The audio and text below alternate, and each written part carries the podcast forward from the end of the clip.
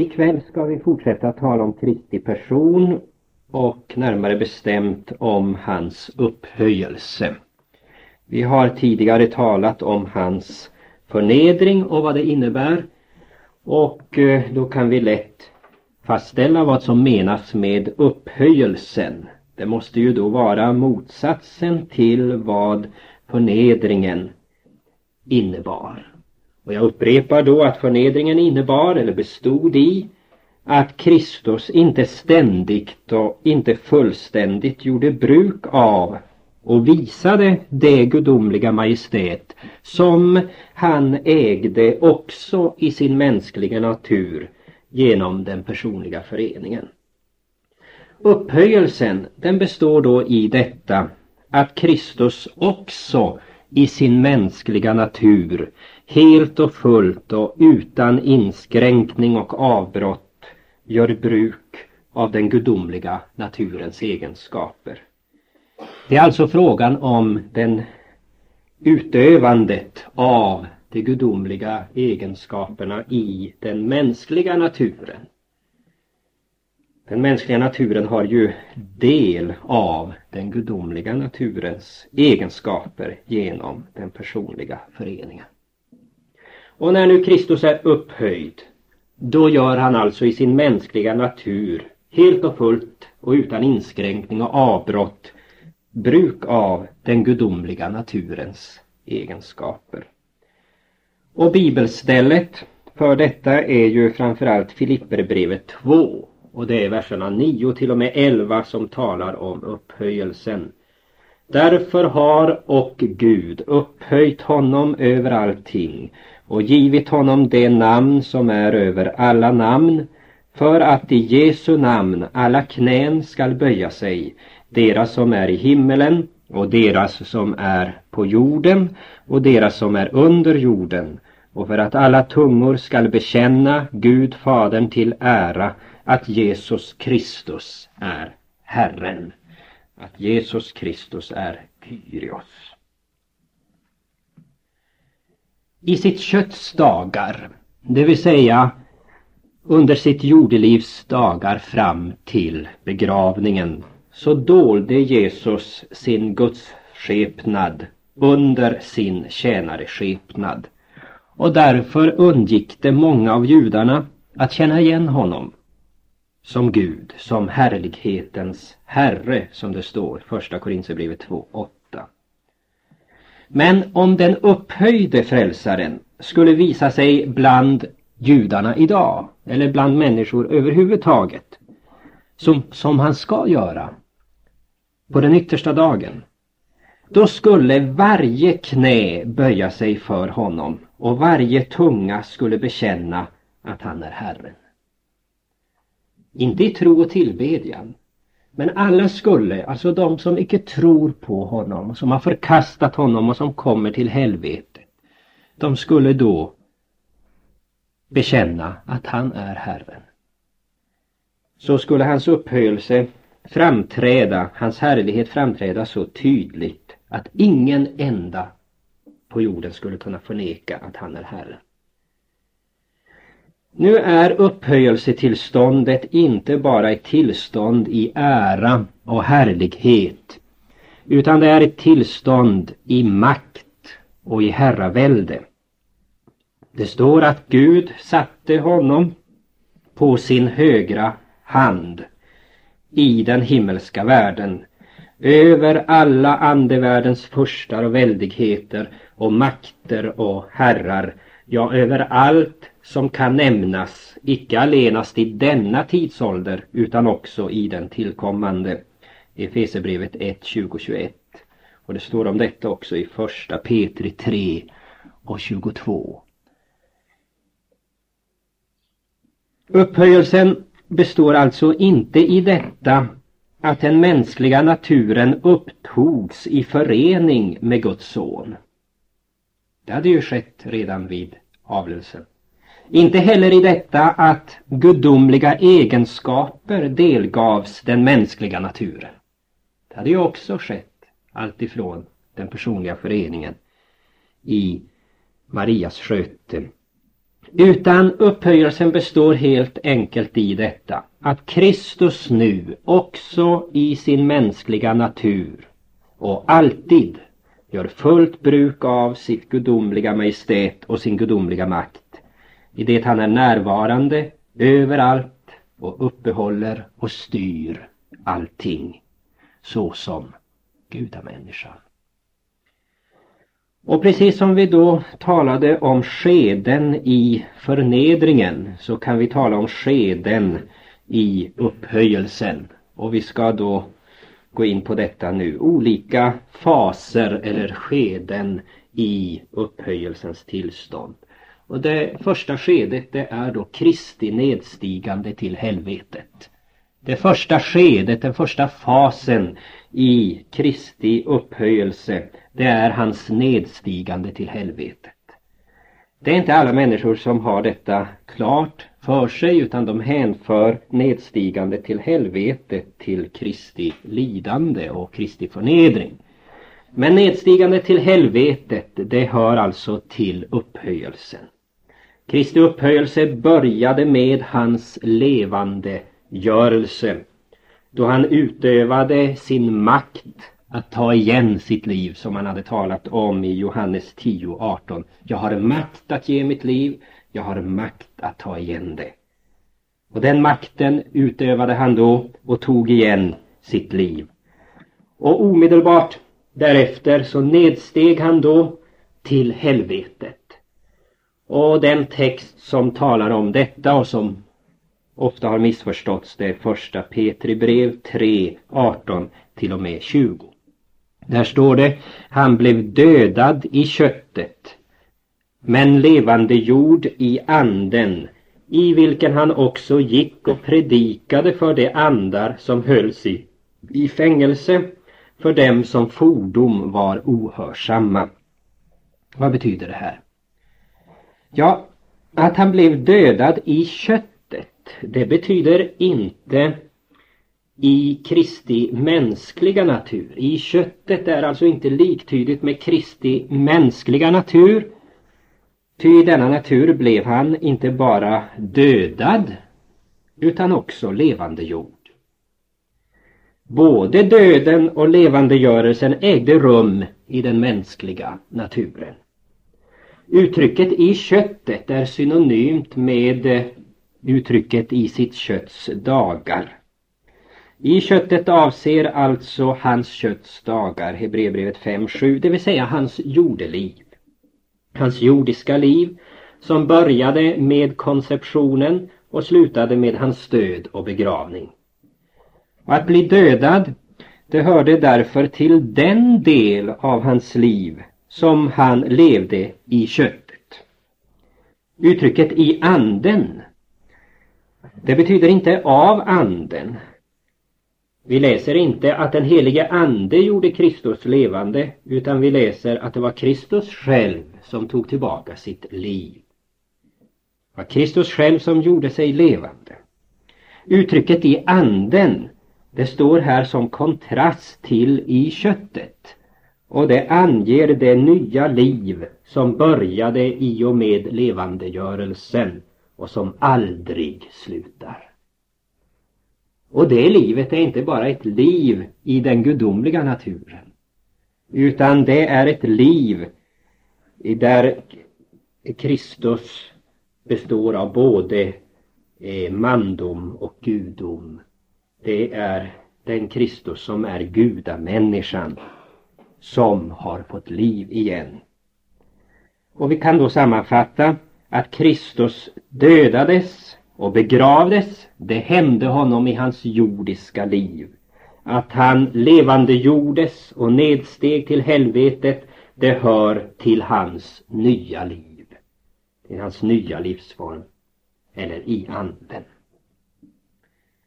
Och då ska vi klargöra i några punkter vad eh, nedstigande till helvetet innebär genom att klargöra vad det inte innebär.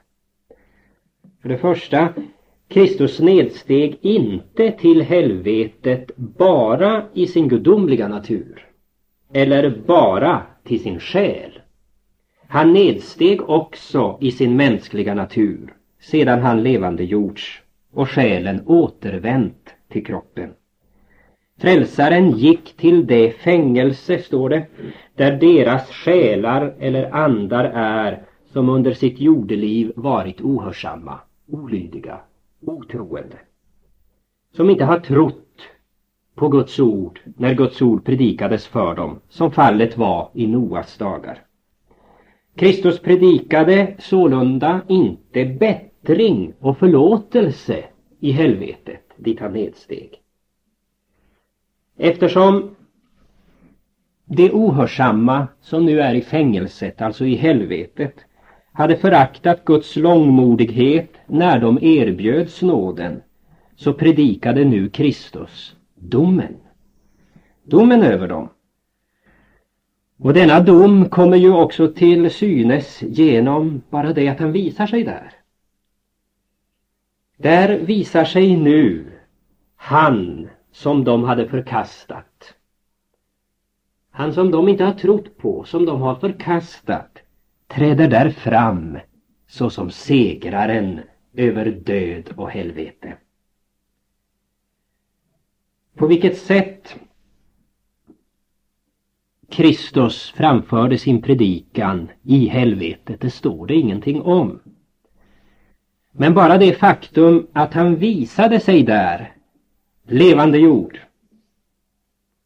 det var för dessa förtappade själar tillräckligt för att övertyga dem om deras rättvisa dom.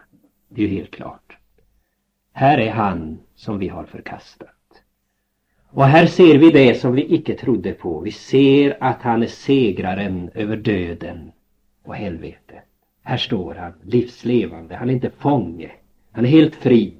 Han har besegrat döden, djävulen och helvetet. Här är han, den vi förnekade, den vi inte trodde på. Det blev till deras dom. Och för det andra så kan man inte säga att Kristus predikade frälsningens evangelium för de fördömda själarna i helvetet på grundval av första Petri brevs fjärde kapitel och eh, sjätte vers. Den texten kan inte anföras som stöd för en sån tanke. Ty den texten handlar om människor som nu är döda. Men som medan de levde på jorden hade fått höra evangeliets predikan i det syftet att deras själ skulle leva om de än dör, om de än dör i köttet. Jag ska citera den versen så ni vet vilken jag talar om. Det står Ty att evangelium blev förkunnat jämväl för de döda, eller för döda. Det skedde för att dessa, om det än till köttet blev dömda, så som alla människor dömas, likväl till anden skulle få leva som Gud lever. Man kunde alltså fråga varför predikades det för de döda? Det vill säga varför har det predikats för sådana människor som en, de dör ju ändå. De som nu är döda, varför predikades det för dem? De blev ju inte levande. Jo, de blev levande. Genom evangelium blir man levande till sin själ men alla tror icke evangelium. Så predikas alltså evangelium för alla. Och i det syftet att de ska bli evigt saliga. Där det står att det predikas för, predikades för döda så menas alltså de som nu är döda. Men det har inte predikats för dem i helvetet, inte för dem efter deras död, det står inte. Utan det var medan de levde som de fick höra evangelium och nu är de döda. Och syftet var för att de, deras själ skulle leva om den än dör i köttet så som alla dör. Ty att evangelium blev förkunnat jämväl för döda, det vill säga jämväl för dem som nu har dött. Det skedde för att dessa, om det än i köttet blev dömda, som alla människor dömas, likväl i anden skulle leva som Gud lever. Om detta Guds nådiga syfte inte uppnåddes medan de levde på grund av deras otro, deras olydnad, ohörsamhet, så står de så som döda under Guds vrede och dom, vilket framgår av versen innan. Och för det tredje så betyder inte Kristi nedstigande till helvetet att han därigenom slutförde sitt återlösningsverk medelst ytterligare lidande. Kristi verk var fullbordat på korset. När han sa det är fullbordat, då är det fullbordat. Och då lämnar han frivilligt ifrån sig livet. Han gav ifrån sig sin ande. Han gav upp andan. Kristi helveteslidande ägde rum på korset. Att han nedsteg till helvetet betyder alltså inte att han nedsteg till helvetet för att lida och slutföra sitt lidande för människornas frälsning. Utan det betyder alltså att han stiger ned för att proklamera sin seger. Till dom över dem som har avvisat honom så som skedde i Noas dagar då man inte trodde Guds ord, inte lyssnade till Noas predikan men till tröst för oss. Säkert bevis på att vår frälsare, han har besegrat döden, djävulen och helvetet. Och för det fjärde, att Kristus nedsteg till helvetet, det betyder inte heller det som katolikerna lär, att han nedsteg för att befria de gammaltestamentliga fädernas själar, patriarkernas själar från, som det heter, limbus patrum. Det vill säga från den region som gränsar till helvetet där alla de finns som dog före Nya Testamentets inbrott. De har ju i den katolska läran och sen har det kommit in i pietismen en lära om ett mellantillstånd. Och eh, ur detta mellantillstånd kan man då räddas eh, också efter sin död. Någon räddning efter döden lär inte skriften. Någon omvändelse efter döden lär icke skriften. Det var alltså den första fasen i upphöjelsen, Kristi nedstigande till helvetet. Det andra, den andra, andra skedet eller fasen det är då detta själva uppståndelsen. Kristi uppståndelse som ett verkligt faktum. Det finns ingen uppteckning i Bibeln som skildrar att någon stod och såg på när Jesus uppstod.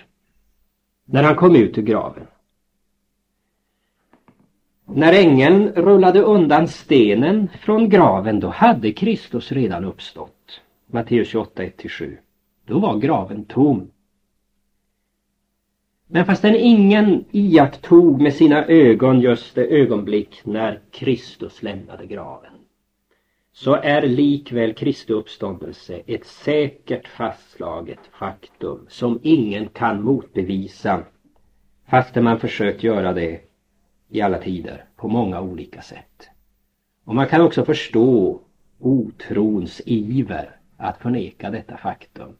För kan man inte förneka uppståndelsen då står man där. Då måste Kristus vara Guds son. Då måste hans lära vara sann. Och det vill man till varje pris komma ifrån. Och så har man då fört fram en rad olika teorier för att försöka komma ifrån uppståndelsen som ett faktum. Och vi ska nämna några av dessa teorier. En teori kan vi kalla för svimningsteorin. Och det är alltså den teorin att Kristus svimmade av utmattning på korset. Och så la hans, lades han i graven därför att lärjungarna trodde att han var död. Men han var alltså inte död, han var skendöd. Och sedan har då Kristus återfått medvetandet och, och så gick han ut från graven och så fick han sina lärjungar att tro att han hade uppstått. Ja, den här teorin den håller ju inte för den enklaste vetenskapliga prövning. Det finns säkra och klara vittnesbörd om att Kristus verkligen dog. Det är ett säkerställt faktum att Kristus verkligen hängde död på korsets trä. Han var verkligen död. Johannes 19, 30-36. Och både vänner till Kristus och ovänner till Kristus som var närvarande på Golgata bär ett samstämmigt vittnesbörd om den saken. Att han var död. Hans fiender säger han var död. Och hans vänner säger det också. Han dog verkligen. Så den teorin är helt ohållbar. Så har vi den så kallade stöldteorin. Och att alltså Kristi kropp den har stulits och gömts undan så att man skulle kunna säga att han hade uppstått.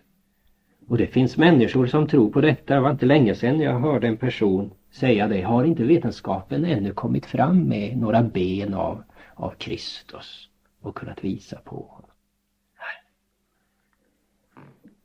Den här teorin fördes ju tidigt fram. Men mot denna måste vi ju anföra fakta. Nämligen att både judarna och Pontius Pilatus var ytterst angelägna om att ingen stöld skulle kunna ske. De förseglade stenen och de satte ut vakt. Så att absolut ingen skulle kunna stjäla kroppen. Matteus 27, 62-66. Och dessutom om lärjungarna, vilket var omöjligt, men om de hade kunnat stjäla kroppen Ja, då hade det varit en lätt sak för myndigheterna att gripa tjuvarna och tvinga dem att ta fram kroppen.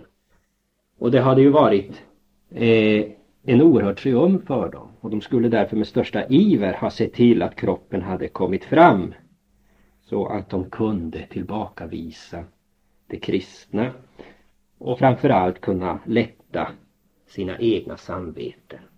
Stöldteorin den saknar varje förnuftig grundval. Den är helt oförnuftig och omöjlig. Så har vi hallucinationsteorin. Att det bara var en inbildning att han levde, en hallucination. Mot detta måste vi då säga att lärjungarna hade verkligen icke lätt för att tro på uppståndelsen. Det var inte så att de kunde få för sig vad som helst och inbilla sig vad som helst utan de hade verkligen svårt att tro att han verkligen hade uppstått, att han verkligen levde. De tvivlade i det längsta. Lukas 24, 25, Johannes 20, 25, Lukas 24, 11. Men Kristus visade sig vid skilda tillfällen, vid skilda tidpunkter och för skilda personer och grupper flera gånger.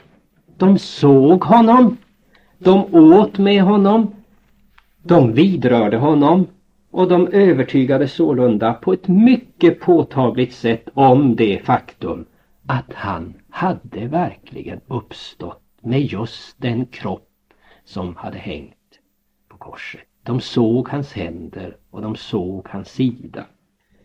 Att det var det hål som hade uppstått när han korsfästes. Och här finns ju många texter att läsa som vi inte hinner slå upp. Apostlagärningarna 1, 3 2, 32, första Korintierbrevet 15, 4-8 eller Lukas 24, 36-43. Och mot bakgrund av dessa fakta så måste vi säga att hallucinationsteorin själv är en hallucination. Alltså att lärjungarna skulle ha inbillat sig att de hade sett Herren. Så ska vi nämna en teori till och det är bedrägeriteorin att det hela var bedrägeri. Det var en bluff, en fabrikation. Men det måste man ändå säga att den teorin saknar varje vettig, förnuftig grundval. Att lärjungarna skulle ha hittat på en sak och sedan gått i döden för sin bluff.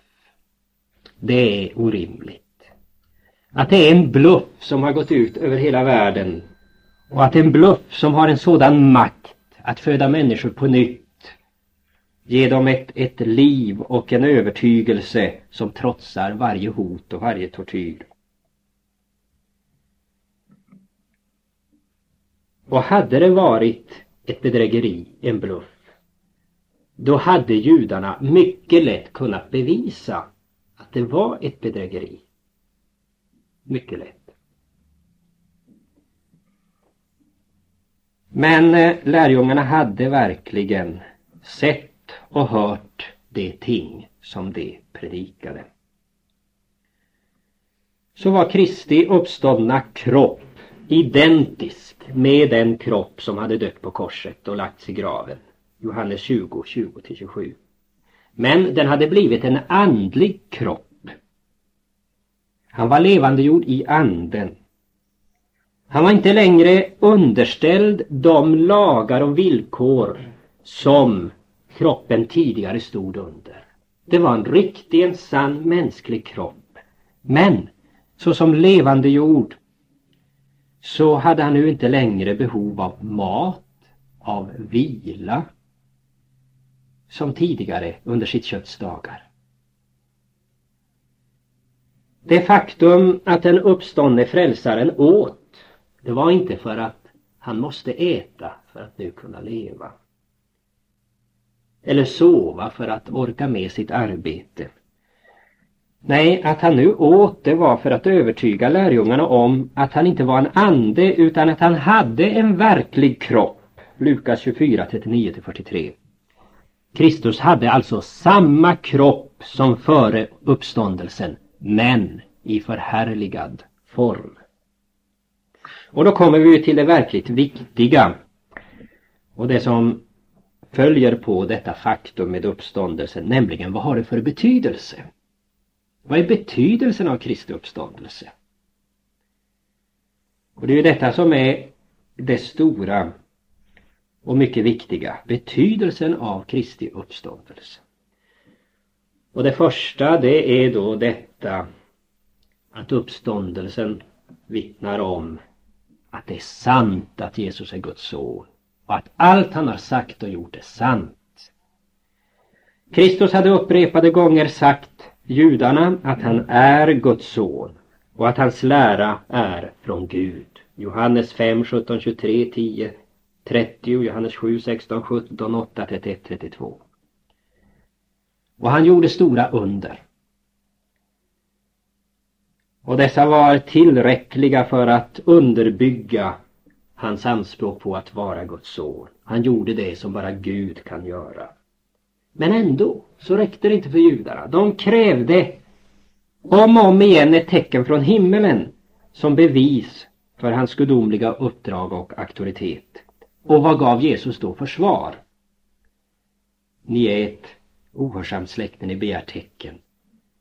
Ni ska inte få något annat tecken än min uppståndelse. Han säger nämligen, ni ska inte få något annat tecken än Jona tecken. Precis som Jona tre dagar och tre nätter var i den stora fiskens sköte. Så ska Människosonen läggas i jorden. Ska han uppstå igen. Och han nämnde också som ett tecken han skulle bryta ner templet på tre dagar och bygga upp det igen. Han som var templet själv. Han hänvisar alltså när de begär tecken till sin uppståndelse. Och så har han nu uppstått. Tecknet är här. Han är uppstånden. Ja, han är sannerligen uppstånden. Då har han alltså genom denna sin uppståndelse, som det står i Romarbrevet 1.4, med kraft bevisat att han är Guds son. Han har med kraft bevisat att han är Guds son. Och om han är Guds son, då följer ju av detta att hans lära är sann. Nu förstår vi hur viktigt det var för de första kristna när de evangeliserade, gick ut i världen med evangelium, att tala om Kristi uppståndelse. Och det borde vara lika viktigt för oss att tala med människor om Kristi uppståndelse, både som ett faktum och om vad det betyder. Vad det betyder att han är uppstånden. Han är ju Guds son och det är sant. Varenda ord och allt det han har gjort. Och här finns det nu inget mellanläge att man kan säga jag tror på Kristus men inte på det sättet. Jag tror på Kristus som en stor människa och en fin förebild för oss. Nej, det här finns nu inget mellanläge. Antingen så var Kristus Guds son eller så var han en usel bedragare. Om han nämligen icke var Guds son så kan han icke vara ett fint föredöme för oss. Det är fullkomligt omöjligt därför att en usel bedragare är då inget fint föredöme. Någon annan möjlighet finns inte, något tredje. Och om han hade varit en usel bedragare då skulle Gud aldrig ha låtit honom uppstå och sålunda hjälpa denne bedragare i hans bedrägeri. Men nu är han uppstått. Det återstår alltså bara en sak. Det är därför det är så viktigt att gå ut och bära vittnesbörd om att Kristus är uppstånden. Vad ska då människorna säga? Deras enda möjlighet är att fly undan detta besked och säga jag kan inte tro det och vända sig bort ifrån det. Det är för kraftigt, det är för starkt. Ja, det är det för otron. Men nu har denne Jesus stått upp. Denne Jesus har nu Gud låtit uppstå, därom kan vi alla vittna, säger apostlarna. Apostlagärningarna 2.32.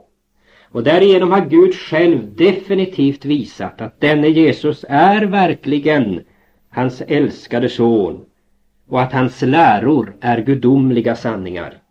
Uppståndelsens faktum, det är det som gör alla liberalteologers uppfattningar eller modernisternas uppfattningar för helt ohållbara. Dessa som prisar Kristus som en idealmänniska men förnekar hans gudom. Men för de kristna så stärker uppståndelsen vår tro. Och vi bör tänka på Kristi uppståndelse när vi anfäktas av tvivel. För det andra, vad betyder Kristi uppståndelse? Jo, det betyder att våra synder är förlåtna. Att vi är förklarade rättfärdiga för Kristi skull. Kristus stod för våra synder enligt skrifterna. Första Korinthierbrevet 15.3. Och om inte Kristus hade uppstått så skulle det klart visa att Kristi lidande och död inte hade varit tillräckligt för att sona våra synder och försona oss med Gud. Då vore vi icke försonade, då vore vi icke förlåtna, då är vi det mest ömkansvärda av alla människor. Då är vår tro fåfäng, en tom inbildning. Om Kristus inte har uppstått är er tro fåfäng och ni är ännu kvar i era synder. Första Korinthierbrevet 15-17. Men nu har Kristus uppstått. Och detta är ett fullt bindande bevis för att Fadern har accepterat sin sons offer för världens försoning. Kristus utgavs på grund av våra synder och uppväcktes på grund av vår rättfärdiggörelse. Romarbrevet 4.25. Uppståndelsen bevisar alltså för oss att Kristi lidande och död verkligen var en tillräcklig betalning för alla våra synder. Att vi till fullo har blivit försonade med Gud. Och eftersom det var Gud själv som uppväckte Kristus så förklarade Gud därigenom att full gottgörelse givits, att Gud var tillfreds. Alla synder hade förlåtits och vi är rättfärdiga inför Gud. Och eftersom vår borgesman är fri, vår betalare är fri, så är också vi fria. Eftersom Kristus bar hela världens synd, Johannes 1.29, och dog för alla människor, Andra Korinthierbrevet 5.15, så bevisar hans uppståndelse att alla människors synder är fullt sonade. Världen är försonad med Gud och att därför människornas synder inte längre tillräknas dem, utan de är förlåtna. Andra Korinthierbrevet 5.19. Därför är Kristi uppståndelse av den största betydelse för hela världen. Eftersom den innebär en verklig förklaring från Guds sida att han på grund av Kristi återlösningsverk har förlåtit människorna alla synder och betraktar dem som rättfärdiga för Kristi skull. Ty vi läser genom en endas rättfärdiga handling kom över alla människor en livets rättfärdiggörelse. Romarbrevet 5.18. Och det är detta som vi vanligtvis kallar för den universella eller objektiva rättfärdiggörelsen. Och denna rättfärdiggörelse som ägde rum i himmelen, den skulle ju ha förblivit okänd för oss människor om Gud inte hade uppenbarat den för oss i evangelium. Evangelium talar alltså om detta glada faktum. Men inte bara det. Evangelium inte bara talar om det, utan evangeliet överräcker till oss fritt, gratis, erbjuder åt oss alla denna rättfärdig förklaring, rättfärdiggörelse som ett fullbordat faktum och i syfte att vi ska tro det, att vi ska ta emot denna gåva, tillägna oss den som ett faktum för vår personliga del. Jag har blivit rättfärdiggjord. Jag är förlåten för Kristi skull och därigenom personligen blir rättfärdig förklarad, blir rättfärdiggjord genom tron. Romarbrevet 3.28. Och det är detta som vi kallar för den individuella eller subjektiva rättfärdiggörelsen. Vi blir rättfärdiggjorda genom att ta emot rättfärdiggörelsen. Genom att ta emot gåvan. Och denna personliga rättfärdiggörelse genom tron den är alltså endast möjlig därigenom att tron tillägnar sig ett faktum som redan finns. Tillägnar sig den allmänna rättfärdiggörelsen. Om det inte fanns någonting färdigt att ta emot så skulle ingen rättfärdiggörelse kunna komma till stånd genom tron. Utan den föregående allmänna rättfärdiggörelsen kunde det inte finnas något glatt budskap, något evangelium som erbjöd oss rättfärdiggörelsen. Och det fanns ingen rättfärdiggörelse då för tron att ta emot. Men vi säger vi tror på rättfärdiggörelsen. Eller vi säger vi tror på syndernas förlåtelse, kroppens uppståndelse och ett evigt liv. Vi tror alltså att denna gåva finns där. Den finns där för tron att tro på för tron att ta emot. Det är alltså ingenting som tron skapar fram, som är delvis ett verk av vår tro. Nej, tron tar emot det som redan är färdigt och som tillbjudes oss i evangelium. Innan en gåva kan erbjudas åt människan och tas emot och åtnjutas av henne så måste den ju finnas, så måste den vara färdig. Och Kristi uppståndelse bevisar att förlåtelsens gåva, den är färdig inför Gud för alla människor. Annars hade Kristus icke uppstått. Han uppstod för vår rättfärdiggörelses skull eller på grund av vår rättfärdiggörelse. På grund av att den gåvan är där, den är färdig för oss alla. Och för det tredje så betyder ju Kristi uppståndelse att också vi ska uppstå. Ett säkert bevis på att också vi ska uppstå. Det är ett bevis för de dödas uppståndelse. Första Korintierbrevet 15, 12, 16, 20. Och för det troende blir vår uppståndelse till liv. Johannes 14, 19, 11, 25, 26. Kristus som uppväckte sig själv från de döda, Johannes 2.19 Han har också makt att uppväcka också oss från döden och ge oss evigt liv. Och detta påminns vi ju om i samband med en jordfästning. Jesus Kristus skall uppväcka dig på den yttersta dagen. Det är vad, vad prästen säger när han öser tre skålar mull på kistan. Och det vet vi sant. Absolut säkert. Varför vet vi att det är sant? Jo, därför att vi vet att det är sant att Kristus uppstod. Därför vet vi att det är sant att också de döda ska stå upp och de troende till evigt liv och salighet. Därefter så talas det om Jesu 40 dagar tillsammans med lärjungarna här på jorden före hans himmelsfärd. Och vad ska vi då säga om dessa 40 dagar efter uppståndelsen? Jo, att han då levde och bodde men inte så som förut. Tillsammans med lärjungarna på det sätt som han hade levt med dem och bott tillsammans med dem förut.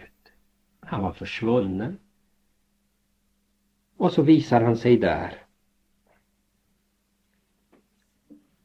Jesus skiljer nu på hans liv från det liv han hade förut. Han säger medan jag ännu var bland eder, Lukas 24, 44.